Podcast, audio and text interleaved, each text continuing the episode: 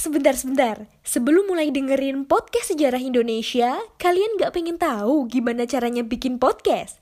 Yakin? Gak susah kok. Coba deh download Anchor Podcast. 100% mudah, 100% gratis.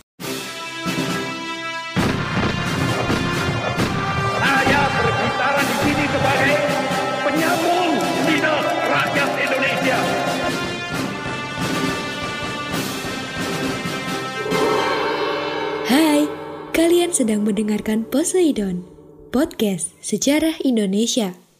Ngomongin masa lalu dengan gaya masa kini.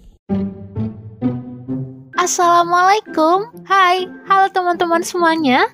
Berjumpa lagi dengan saya Ava di Poseidon Podcast Sejarah Indonesia. Gimana nih kabar teman-teman semuanya?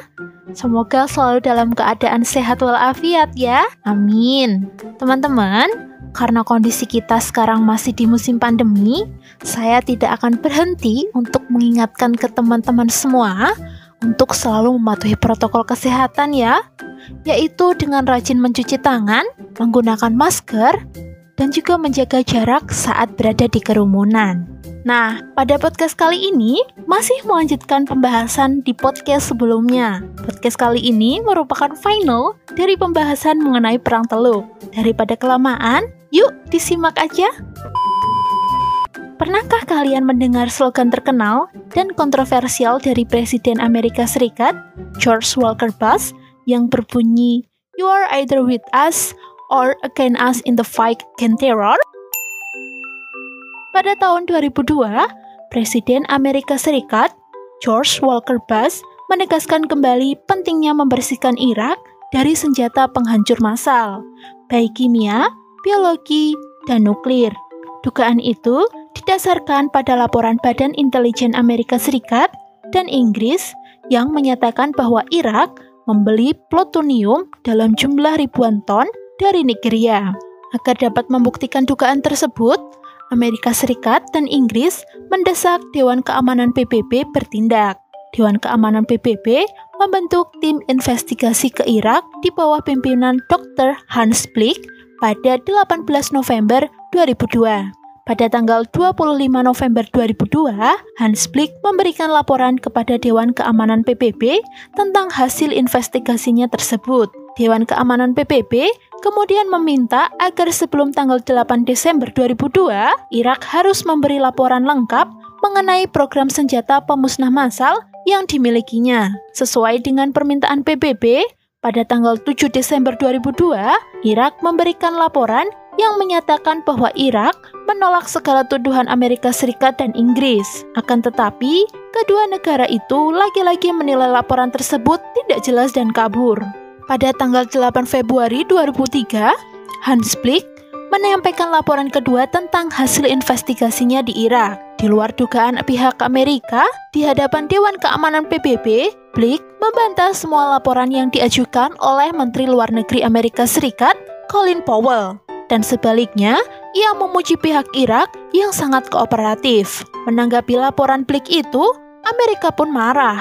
Negara adidaya itu pun menuntut agar Dewan Keamanan PBB mengeluarkan resolusi kedua yang membolehkan serangan terhadap Irak. Usulan Amerika itu ditentang oleh Prancis, Jerman, Rusia, dan Tiongkok. Karena timbul pertentangan dari negara-negara sahabatnya itu, Presiden Bush dengan tegas menyatakan Amerika tidak membutuhkan mandat dari PBB maupun dukungan dari negara-negara lain yang menentang keputusannya menyerang Irak. Serangan itu sangat diperlukan untuk menggulingkan Saddam Hussein demi kepentingan Amerika. Nah, perlu teman-teman ketahui, tujuan penyerangan Amerika Serikat ke Irak di antaranya mencari dan memusnahkan senjata pemusnah massal. Kemudian, menjatuhkan dan mengakhiri pemerintahan Saddam Hussein yang dituduh membiayai terorisme, mengejar dan menghancurkan anggota-anggota teroris yang dilindungi pemerintah Irak, serta membentuk pemerintahan baru yang demokratis. Pada minggu,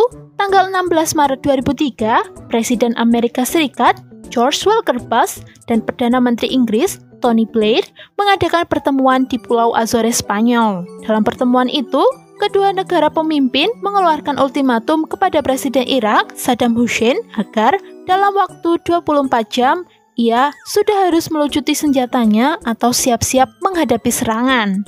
Ultimatum itu ternyata tidak ditanggapi pihak Irak. Pada Selasa 18 Maret 2003, Bas dalam pidatonya di televisi kembali memberikan ultimatum kepada Saddam Hussein bahwa dalam waktu 40 jam terakhir Saddam Hussein sudah harus mencari suaka ke negara lain atau harus menghadapi militer. Sehari setelah ultimatum kedua, Presiden Bush memerintahkan pengerahan 170 ribu anggota koalisi ke perbatasan Kuwait. Pada Kamis 20 Maret 2003, setelah 40 jam waktu ultimatum berakhir, Bush untuk terakhir kalinya berpidato di televisi dan memerintahkan serangan dimulai. Dua jam kemudian, sebuah ledakan dahsyat menguncang kota Baghdad. Oke teman-teman, kita rehat dan tarik nafas dulu ya. Sebelum dilanjut, ada info yang sangat menarik nih buat kalian. Yuk, disimak.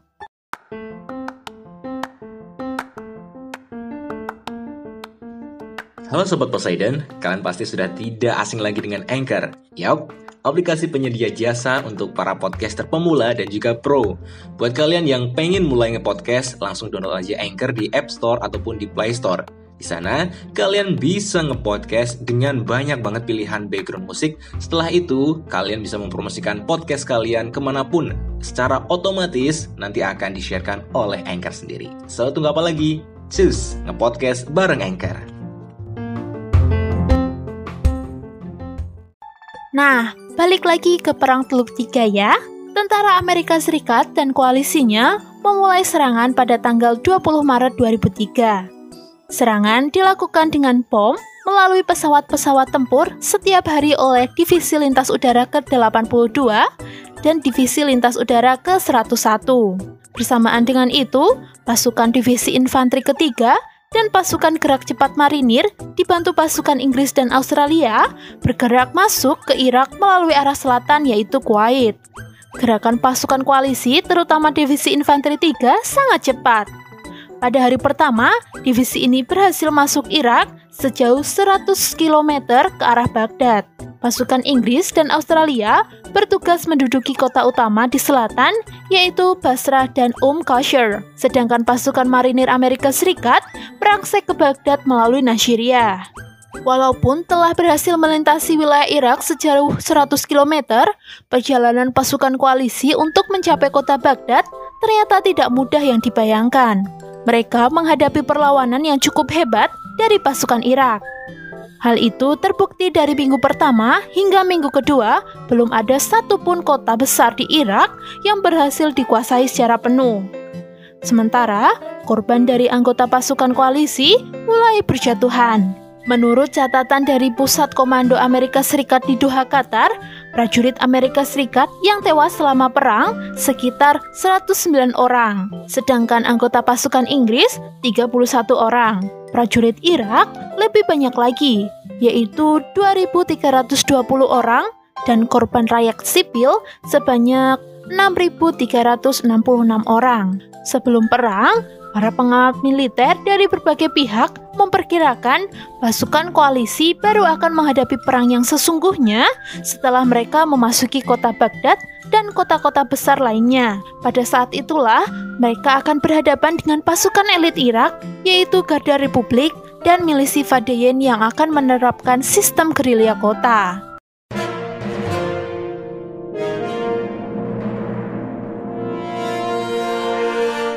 Hai teman-teman, saatnya kita masuk di segmen History Flash. Bali memiliki fakta unik karena memiliki banyak hari libur yang disumbangkan oleh sejumlah hari raya besar keagamaan. Hampir setiap hari besar keagamaan ini, setiap orang akan mendapatkan hari libur. Beberapa hari libur di antaranya adalah Hari Raya Galungan, Kuningan, Nyepi, Pager Wesi, Saraswati, dan sejumlah upacara besar lainnya. Indonesia terdaftar sebagai anggota ke-60 Perserikatan Bangsa-Bangsa atau PBB pada 28 September 1950. Pada tahun 1965, Indonesia memutuskan keluar dari keanggotaan PBB karena kemarahan Soekarno atas terpilihnya Malaysia sebagai anggota tidak tetap Dewan Keamanan PBB. Pada tahun 1966, Indonesia kemudian kembali menjadi anggota PBB. Demikian di Story Flash, kita ketemu di episode berikutnya. Jangan lupa untuk selalu mematuhi protokol kesehatan, memakai masker, mencuci tangan, dan menjaga jarak ketika harus beraktivitas. Saya Aulia pamit.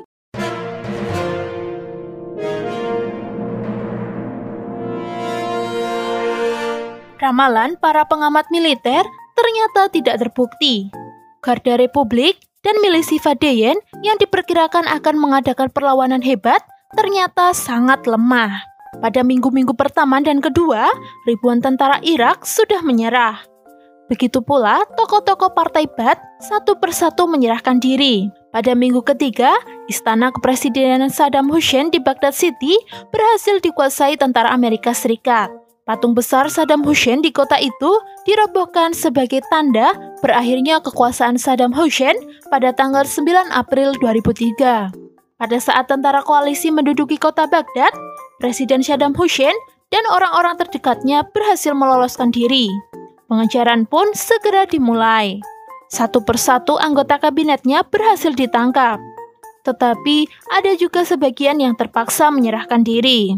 Pada tanggal 1 Mei 2003, Presiden Amerika Serikat George Walker Bush mengumumkan berakhirnya Perang Irak meskipun pada saat itu nasib Presiden Saddam Hussein tidak diketahui dengan pasti. Presiden Saddam Hussein baru tertangkap pada tanggal 13 Desember 2003 di sebuah lahan pertanian di luar kota Tikrit. Ia bersembunyi di dalam sebuah bunker yang dikawal oleh dua orang ajudan. Sebelumnya, kedua orang putranya, yaitu Uday dan Kusai, telah tewas dalam sebuah sergapan di kota Mosul, Irak Utara pada tanggal 22 Juli 2003. Nah, bagaimana teman-teman? Menarik bukan pembahasan mengenai Perang Teluk Tiga? Semoga bermanfaat untuk teman-teman semua ya. Oh ya teman-teman, Poseidon ada di Instagram juga loh. Untuk melihat update menu tiap minggunya, bisa kalian intip di at podcast underscore sejarah Indonesia.